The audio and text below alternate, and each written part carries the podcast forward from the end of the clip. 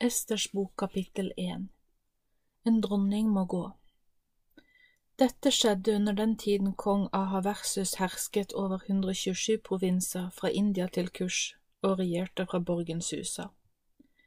I det tredje året av regjeringstiden sin holdt han en fest for alle de mektige herrene i Persia og Media, de fremste hærførerne og lederne i provinsene og fortjenerne sine. Alle var samlet hos ham. I mange dager, 180 til sammen, viste han fram rikdommene sine og sin kongelige prakt for gjestene. Da det lange besøket deres gikk mot slutten, stelte kongen i stand en fest for alle som var til stede i borgen. Den var, sto, den var for både store og små, og festen varte i sju dager i utearealet ved hagen rundt kongens slott. Det var pyntet med hvite og fiolette tepper av fint lin som var festet med linsnorer. Det var brukt den vakre røde purpurfargen på sølvstenger og marmorsøyler. Sofaer av gull og sølv sto på et mosaikkgulv av alabast, hvit marmor, perlemor og edelsteiner. Drikken ble servert i gullbegre, og alle begrene var forskjellige. Det var kongelig vin i overflod. Det var bestemt at ingen skulle tvinges til å drikke. Hver eneste tjenestemann hadde fått beskjed av kongen at han bare skulle skjenke så mye som hver gjest ville ha. Dronning Vachi arrangerte også en fest for kvinnene. Den ble holdt i kongens slott. På den sjuende dagen var kongen i ekstra godt humør på grunn av vinen. Da befalte han sine sju hoffmenn, Meuman, Bista, Harbona, Bikta, Abagda, Setar og Karkas, at de skulle hente dronning Vashti. Hun skulle ha på seg sin kongelige krone og vise sin skjønnhet framfor folket og tjenestemennene hans, for hun var meget vakker å se på. Men dronning Vashti nektet og ville ikke gjøre det som hoffmennene på vegne av kongen ba henne om. Dette irriterte kongen, som ble sint på henne. Da snakket kongen med rådgiverne sine. Han hadde noen kunnskapsrike menn rundt seg som forsto seg på tiden de levde i, og som kjente til hva som var lov og rett. De som sto ham nærmest, var Karshena, Shetar, Admata, Tarsis, Meres, Marsena og Memukan, de sju mektige herrene i Persia Media. Disse hadde lov til å komme fram til kongen, og de hadde rett til å sitte på de beste plassene hos ham. Mennene var de fremste i riket og hadde direkte adgang til kongen. Han sa til dem, Hva skal jeg gjøre med dronning Vashti når hun nekter å være lydig mot den befalingen som jeg, kongen, har sendt henne gjennom hoffmennene. Da svarte Memukan-kongen og de mektige mennene. Dronning Vashti har gjort noe alvorlig galt, ikke bare mot kongen selv, men hennes mangel på respekt vil kunne ha en smitteeffekt på kvinnene rundt om i kongens rike. Alle gjestene fra de ulike av kongens provinser fikk høre om dronningens oppførsel. Dermed ville den bli kjent blant alle kvinnene så kommer de til å gjøre som henne, de kommer til å behandle sine menn med akkurat like lite respekt. Dersom kongen er enig, så la en kongelig befaling bli sendt ut. La det skrives ned både i persernes og medernes lover, slik at befalingen ikke kan forandres. La befalingen lyde slik. Dronning Vashti skal aldri mer få komme fram for kong Ahaversus. Kongen vil gi henne kongelig verdighet til en gi hennes kongelige verdighet til en bedre kvinne enn henne. Når denne kongelige befalingen blir sendt ut og hørt i hele det store kongeriket, vil alle konene vise respekt for ektemennene sine, både fattig og rik. Både kongen og de mektige herrene som hørte på, hadde sansen for dette rådet, og kongen istandsatte det som Memukan hadde foreslått. Et brev ble sendt til alle kongens provinser, på det språk og med den skrift som folk forsto i hver provins. Befalingen gikk ut på at hver mann skulle være herre i sitt eget hus. Esters bok to En ny dronning Etter at dette hadde hendt og kong Ahaversus sinne hadde lagt seg, tenkte han igjen på Vashti og på hva hun hadde gjort. Han tenkte også på straffen han hadde gitt henne. Kongens tjenere sa da til kongen, Kongen trenger en ny dronning, la det letes etter vakre unge jomfruer til kongen, og må det utnevnes tilsynsmenn i alle landområdene av riket ditt. be dem samle alle de vakre unge jomfruene de kan finne, og la dem bo i borgen Susan, i kvinnenes bolig, under tilsyn av kongens hoffmann Hegai, han som er kvinnenes tilsynsmann. Gi dem skjønnhetsprodukter så de kan gjøre seg vakre, så skal den unge kvinnen som kongen synes er vakrest, bli dronning i stedet for Vashti. Dette syntes kongen var et godt råd, så han bestemte seg for å gjøre det slik. I borgen Susan var det en jøde som het Mordekai. Han var sønn av Jair, sønnesønn av Shimi, oldebarn til Kish, av Benjamins stamme. Kish var blitt bortført fra Jerusalem. Han ble i sin tid bortført som fange sammen med Jekonja, kongen av Juda, av Nebukadnesar, Babels konge. Mordekai hadde oppfostret en ung jente som het Hadassa, også kalt Ester. Hun var datter av hans onkel. Da hennes far og mor døde, tok Mordekai henne til seg som sin egen datter. Hun vokste opp og ble en ung, vakker kvinne, en nydelig skikkelse. Hun fikk navnet Ester. Kongens befaling ble utført, og mange unge kvinner ble samlet i borgen Susan, under tilsyn av Hegai. Ester var også blant dem som ble hentet til kongens slott. Hegai, kvinnenes tilsynsmann, synes den unge kvinnen Ester var vakker, og han likte henne bare bedre og bedre ettersom han ble kjent med henne. Derfor var han snar med å skaffe henne det hun trengte for å gjøre seg vakker. Han passet på at hun fikk den maten hun trengte, og ga henne sju spesielt, ut, spesielt utvalgte tjenestepiker fra kongens slott. Han sørget for at hun og tjenestepikene hennes flyttet inn i den beste delen av kvinnenes hus. Ester hadde ikke avslørt hvilken familie hun kom fra, og at hun, og at hun var jøde. Mordekai hadde sagt at hun ikke måtte fortelle det til noen. Hver dag vandret Mordekai fram og tilbake utenfor boligen der kvinnene var samlet.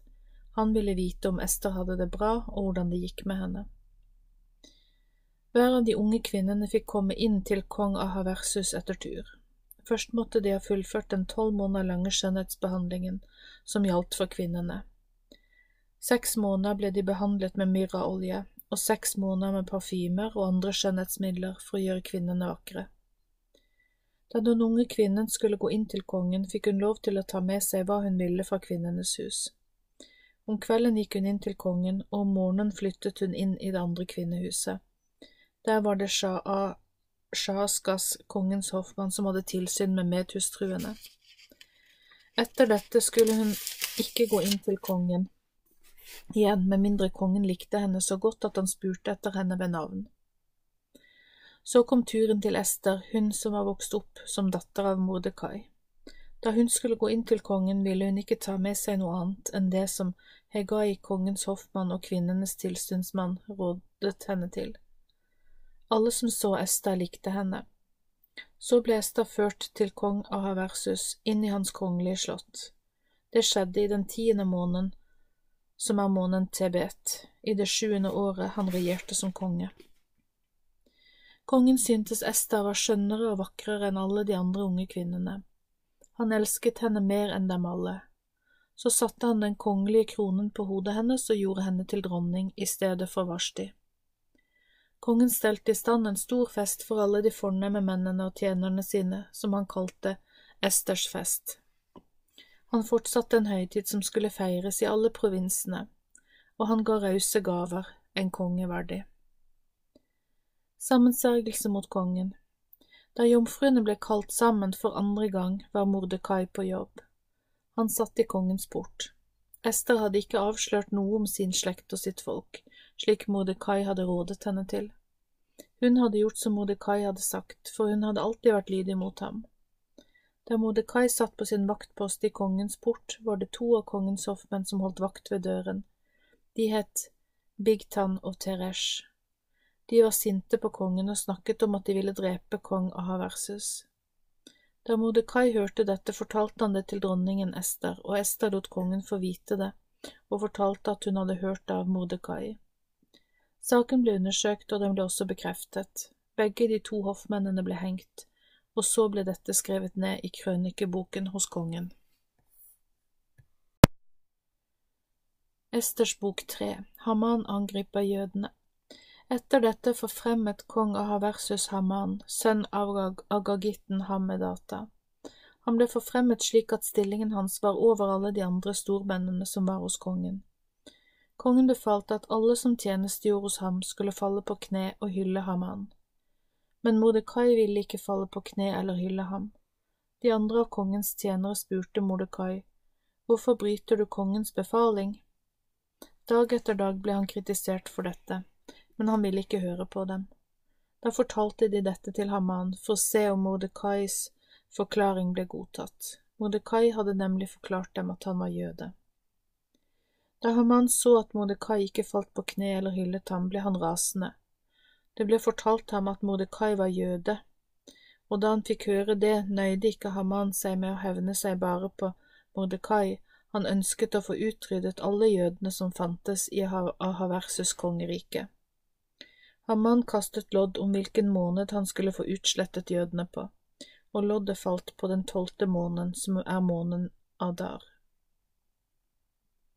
Da sa Haman til kong Ahaversus, det er et bestemt folk som er spredt rundt omkring blant folkene i alle provinsene i kongeriket ditt.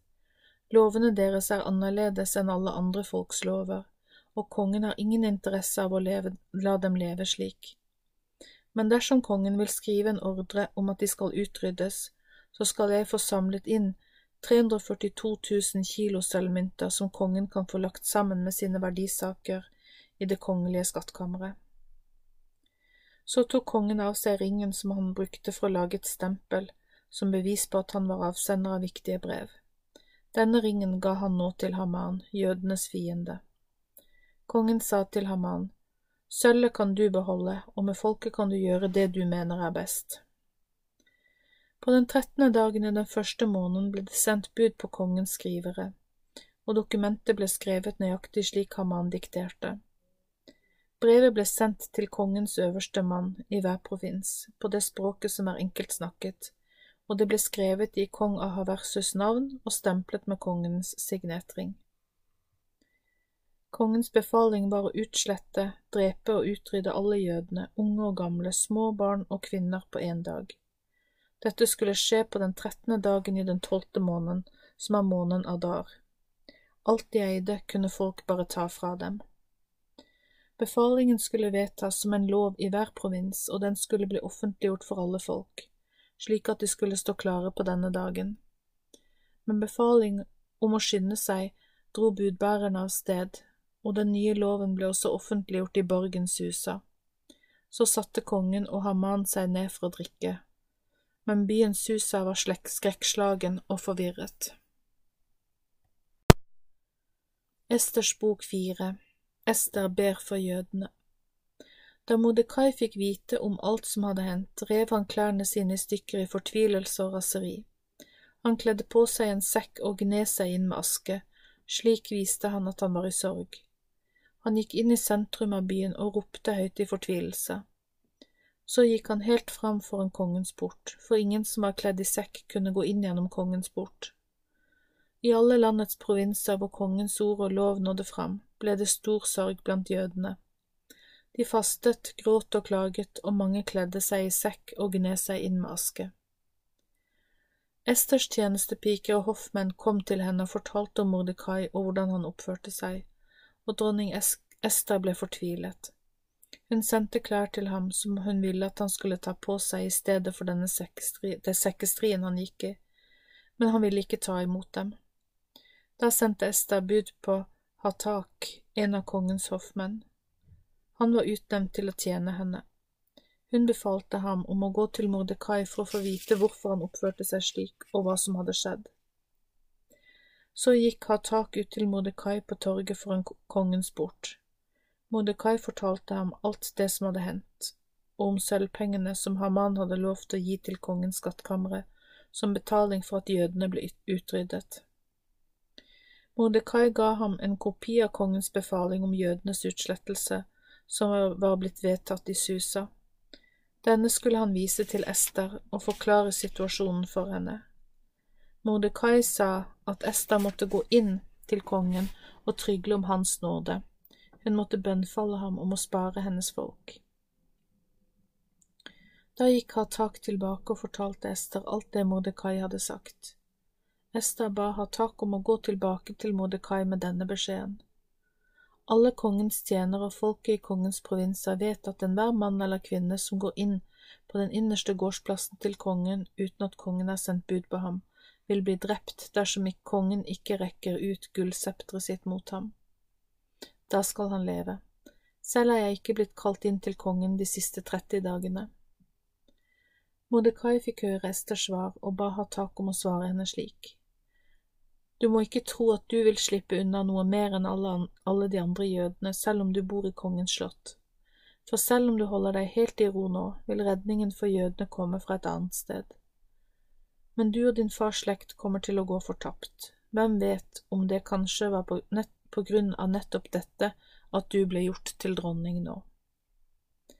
Da ba Ester budbæreren om å gi Mordekai dette svaret. Gå og få samlet alle jødene som er i Susa, så dere kan faste og be for meg. Dere skal hverken spise eller drikke i tre dager, hverken natt eller dag. Tjenestepikene mine og jeg vil faste på samme måte. Så vil jeg trosse loven og gå til kongen. Hvis jeg da blir drept, så blir jeg drept. Så gjorde Mordekai alt det Ester hadde bedt ham om å gjøre. Esters bok fem Ester inviterer til fest. Etter tre dager kledde Ester seg som en dronning. Hun stilte seg på den innerste gårdsplassen til kongens slott, rett overfor kongens hus. Kongen satt på sin kongelige trone med ansiktet vendt mot inngangen til huset da han la merke til at dronning Esther sto på gårdsplassen. Han ble glad for å se henne og rakte ut gullsepteret han hadde i hånden, mot henne. Så gikk dronning Esta nærmere og rørte ved enden av septeret. Kongen sa til henne, Hva kan bli gjort for deg, dronning Ester, hva ønsker du? Om det så gjelder inntil halve kongeriket, så skal det bli gitt deg.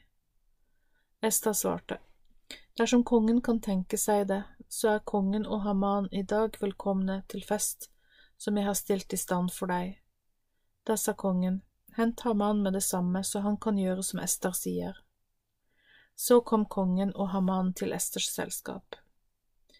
Mens vinen ble servert, sa kongen til Ester, fortell meg nå hva det er du ønsker, uansett hva det er, så skal du få det. Om du så ønsker halve kongeriket, så skal det bli oppfylt. Da svarte Ester, Min bønn og mitt ønske er dette. Hvis kongen er glad for å se meg, og hvis kongen kan tenke seg det, så vil jeg gjerne at kongen og Haman kommer til et nytt selskap jeg vil arrangere for dere. Der, på selskap i morgen, skal jeg fortelle deg hva jeg ønsker. Haman forbereder Mordekais død.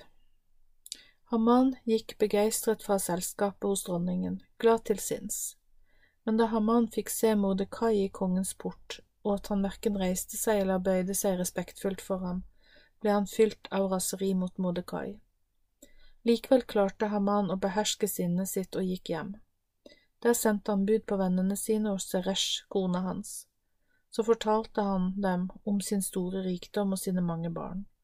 Han skrøt over hvordan kongen hadde forfremmet ham og opphøyd ham over alle de andre kongens stormenn og tjenere.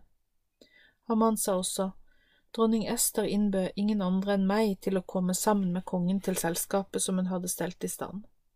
I morgen er jeg igjen invitert til selskap hos henne, sammen med kongen men så lenge jeg ser jøden Mordekai sitte i kongens port, betyr alt dette ingenting for meg. Da kom kona hans Seresh og vennene hans med et forslag. La det bli lagd en galge for ham, 25 meter høy. I morgen kan du foreslå for kongen at Mordekai kan bli hengt i den. Så kan du gå lykkelig til selskapet sammen med kongen i morgen kveld. Dette syntes Haman var et godt forslag, og han fikk lagd en slik galge.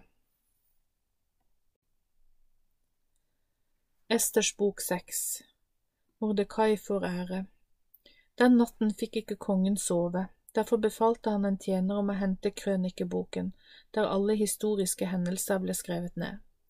Så ble den lest opp for kongen. Historien om hvordan kongen var blitt advart av Mordekai mot et attentat fra kongens egne hoffmenn, Bigtana og Teresh, sto også nedskrevet der. Da sa kongen, hvilken belønning har Mordekai fått for dette, har han blitt hedret på noen måte? Kongens tjenere svarte, nei, Mordekai har ikke fått noe som helst for dette. Da sa kongen, hvem er det som er ute på gårdsplassen? Haman hadde nettopp kommet inn på den ytre gårdsplassen til kongens slott for å foreslå at kongen skulle henge Mordekai i tregalgen han hadde fått lagd. Tjenerne svarte, det er Haman, han står på gårdsplassen. Kongen sa, la ham komme inn. Så kom Haman inn, og før Haman hadde fått sagt noe, spurte kongen ham, hva skal gjøres for en mann som kongen ønsker å gi en belønning? Haman tenkte med seg selv, kongen tenker sikkert på meg, hvem skulle det ellers være?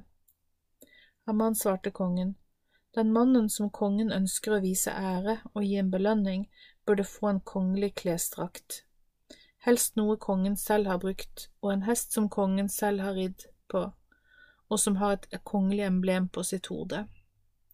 La så en av kongens mest ærverdige stormenn kle opp mannen som kongen vil vise ære, og føre ham ut på hesteryggen på det store torget i byen. Der skal han rope ut så alle kan høre det.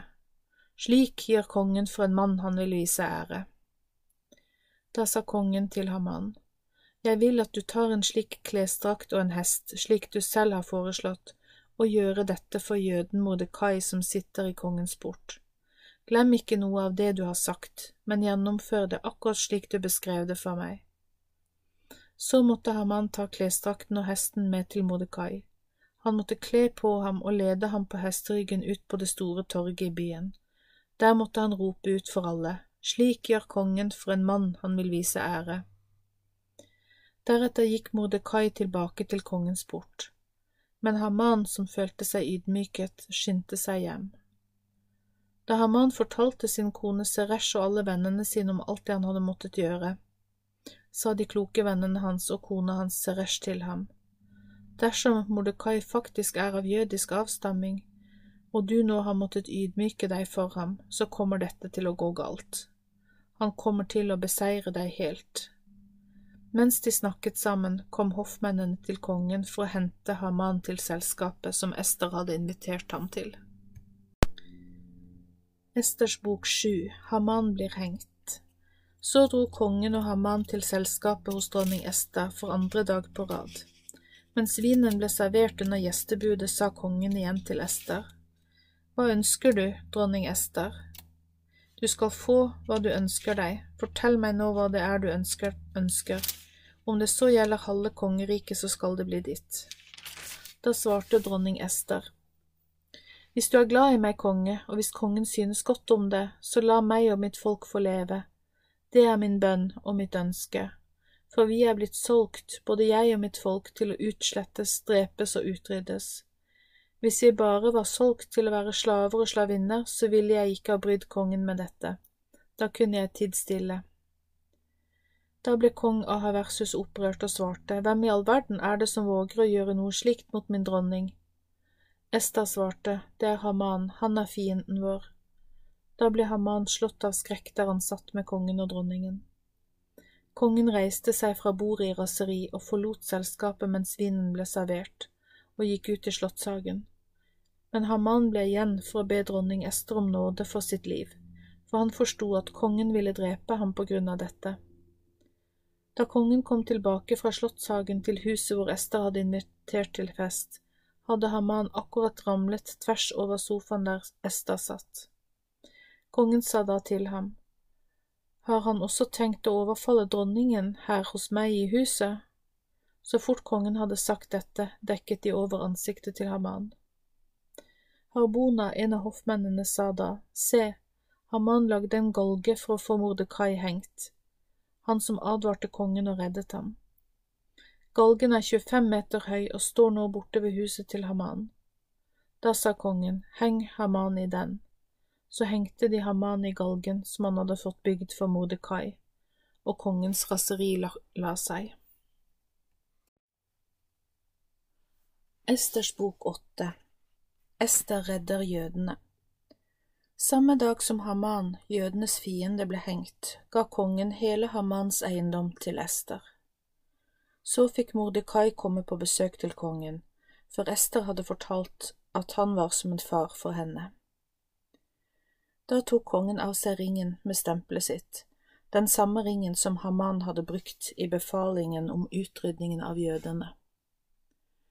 Nå ga han den til Mordekai, og Ester lot Mordekai overta Hamans eiendom. Ester falt så gråtende ned foran føttene til kongen. Hun bønnfalt ham om nåde, om at Hamans ondskapsfulle plan mot jødene måtte gjøres om. Igjen rakte kongen fram gullsepteret sitt mot Ester, og hun reiste seg og stilte seg foran ham. Så sa hun, Hvis kongen synes godt om det, og hvis jeg har funnet nåde for hans øyne, og hvis kongen ser at denne saken er rett, og at jeg er god i hans øyne, så la et nytt skriv sendes ut. Tilbakekall skrivene som Haman skrev for å utslette jødene i alle kongens provinser. For hvordan skal jeg holde ut og se noe så ondt ramme mitt eget folk? Hvordan skal jeg holde ut og se at min slekt og min familie blir fullstendig utryddet? Da sa kong Ahaversus til dronning Ester og jøden Mordekai, Nå har jeg gitt Hamans eiendom til Ester, og han er blitt hengt fordi han ville drepe jødene. Nå kan dere selv lage et skriv. Dere kan skrive det som dere ønsker, og sende det ut i mitt navn. Bruk ringen min som stempel, for det som er skrevet i kongens navn og forseglet med kongens signetring, kan ikke omgjøres. Samtidig ble alle kongens skrivere samlet. Det var i den tredje måneden, som er måneden Sivan, på den 23. dagen. Alt ble skrevet nøyaktig slik Mordekai befalte, og det ble skrevet både til jødene og til de øverste lederne i de 127 provinsene, fra India til Kush. Alle de ulike provinsene fikk brevet tilsendt på det språket de selv forsto. Mordekai skrev i kong Ahaversus navn og forseglet det med kongens signetring. Så ble alle brevene sendt ut med, ut med budbærere som red på kongelige hester, avlet opp fra de raskeste hingstene. I disse brevene ga kongen jødene i hver eneste by lov til å samle seg og kollektivt kjempe for sine liv. De fikk lov til å beskytte seg mot enhver angriper som gikk til angrep på dem, på dem, deres barn eller konene deres, ved å drepe dem. Det disse angriperne eide, kunne de fritt forsyne seg av. Dette fikk de tillatelse til å gjøre på akkurat den dagen da Haman hadde planlagt jødenes utryddelse.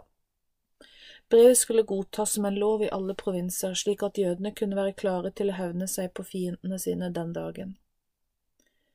Budbærerne som red på de kongelige hestene, dro ut i full hast på kongens befaling.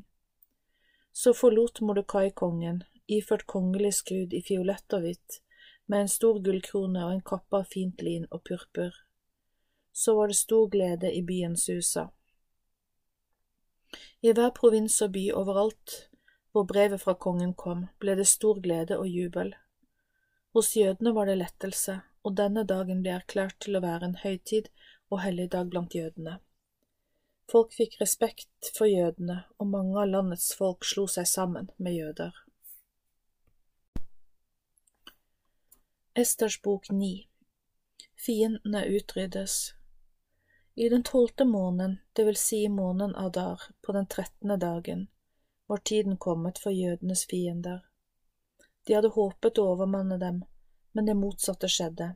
Jødene fikk selv overmannet dem som hatet dem og som angrep dem. I alle provinsene, til kong Ahaversus, samlet jødene seg i byene sine for å forsvare seg og angripe alle dem som ville prøve å drepe dem. Ingen klarte å overmanne jødene.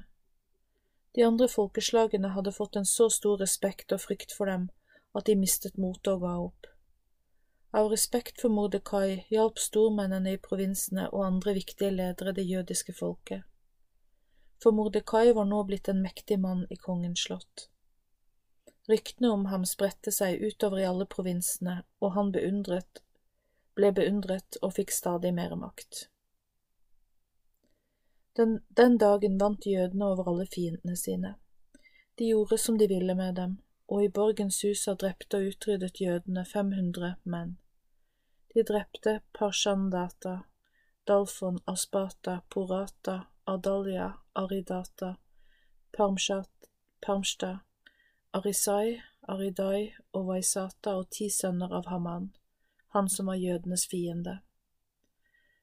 Men de tok ikke med seg noen verdisaker. Samme dag fikk kongen høre hvor mange som var blitt drept i borgenshusa. Kongen sa til dronning Ester, i tillegg til de ti sønnene til Haman har jødene drept og utryddet 500 menn i borgenshusa. Jeg har ikke tall på hva de har gjort i de andre provinsene mine, men si meg hva du ønsker mer, hva du enn ber om skal det bli gitt deg, det du ønsker skal bli oppfylt. Da svarte Ester, hvis det er i orden for kongen, så ber jeg om at jødene også i morgen skal få lov til å angripe sine fiender. Dessuten ønsker jeg at kroppene etter Hamans ti sønner skal bli hengt i tregalgene. Så befalte kongen at dette skulle gjøres. Loven om det ble vedtatt i Susa, og de hengte Hamans ti sønner på tre galger. Neste dag drepte jødene 300 menn i Susa, men de tok ingen verdisaker. De andre jødene i kongens provinser samlet seg også for å beskytte seg. De drepte 75 000 av dem som hatet dem, men de forsynte seg ikke av deres verdisaker. Dette hendte på den trettende dagen i måneden Adar. På den fjortende dagen hvilte de ut, og de gjorde den til en dag for høytid og glede. Purimfesten I, I Susan kjempet jødene i to dager før de fikk en dag der de hvilte. Også der gjorde de dagen til en høytids- og gledesdag. Jødene i landsbyen, de som bodde i de byene som ikke hadde murer, feiret derfor den fjortende dagen i måneden Adar. Det ble en dag med fest og glede, en høytidsdag for jødene hvor de sendte gaver til hverandre. Mordekai skrev ned alt som hadde skjedd i et brev. Dette ble sendt til jødene i alle provinsene rundt omkring, både nær og fjern. Der sto det også at jødene heretter skulle feire den fjortende dagen og femtende dagen i måneden Adar hvert år. Slik skulle det feires at de disse dagene hadde fått fred fra sine fiender. Det var jo i denne måneden at sorgen hadde snudd seg til glede for dem. Sørgetiden ble til høytid, de skulle gjøre disse dagene til fest og gledesdager, og hvert år skulle de gi hverandre gaver, også til de fattige. Jødene vedtok at de fra da av skulle ha dette som en fast skikk.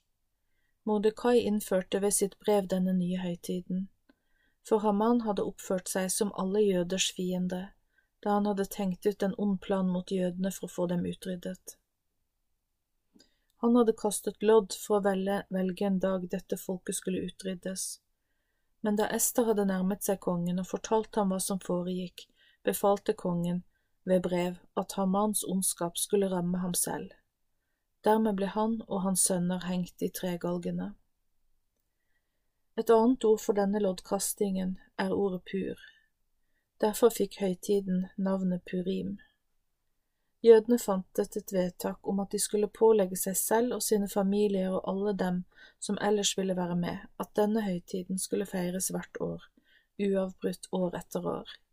Den skulle feires på de fastsatte dagene akkurat slik det var beskrevet.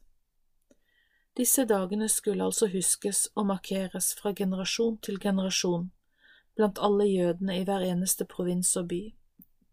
Ingen jøde skulle la være å feire Purim, for at minnet om disse dagene ikke skulle bli borte.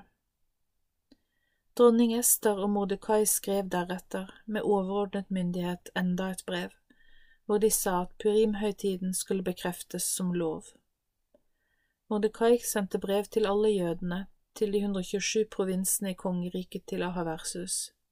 Dette brevet var et brev som skulle fremme fred og sannhet. Brevene befestet purimdagene som lov, og det ble gjort slik jøden Mordekai og dronning Ester hadde skrevet. Denne loven ble lagt til de lovene som jødene allerede hadde om fastetid og klagerop. Slik ble forskriftene angående purimfesten fastslått av dronning Ester, og alt dette ble skrevet ned i en bok. Esters bok ti Mordekai får ære. Kong Ahaversus lot folket betale skatt, både de som bodde på fastlandet og på øyene i havet. Alt det kongen utrettet, også det som ble gjort med hans velsignelse og fullmakt, er skrevet ned i krønikeboken om kongene i Media og Persia.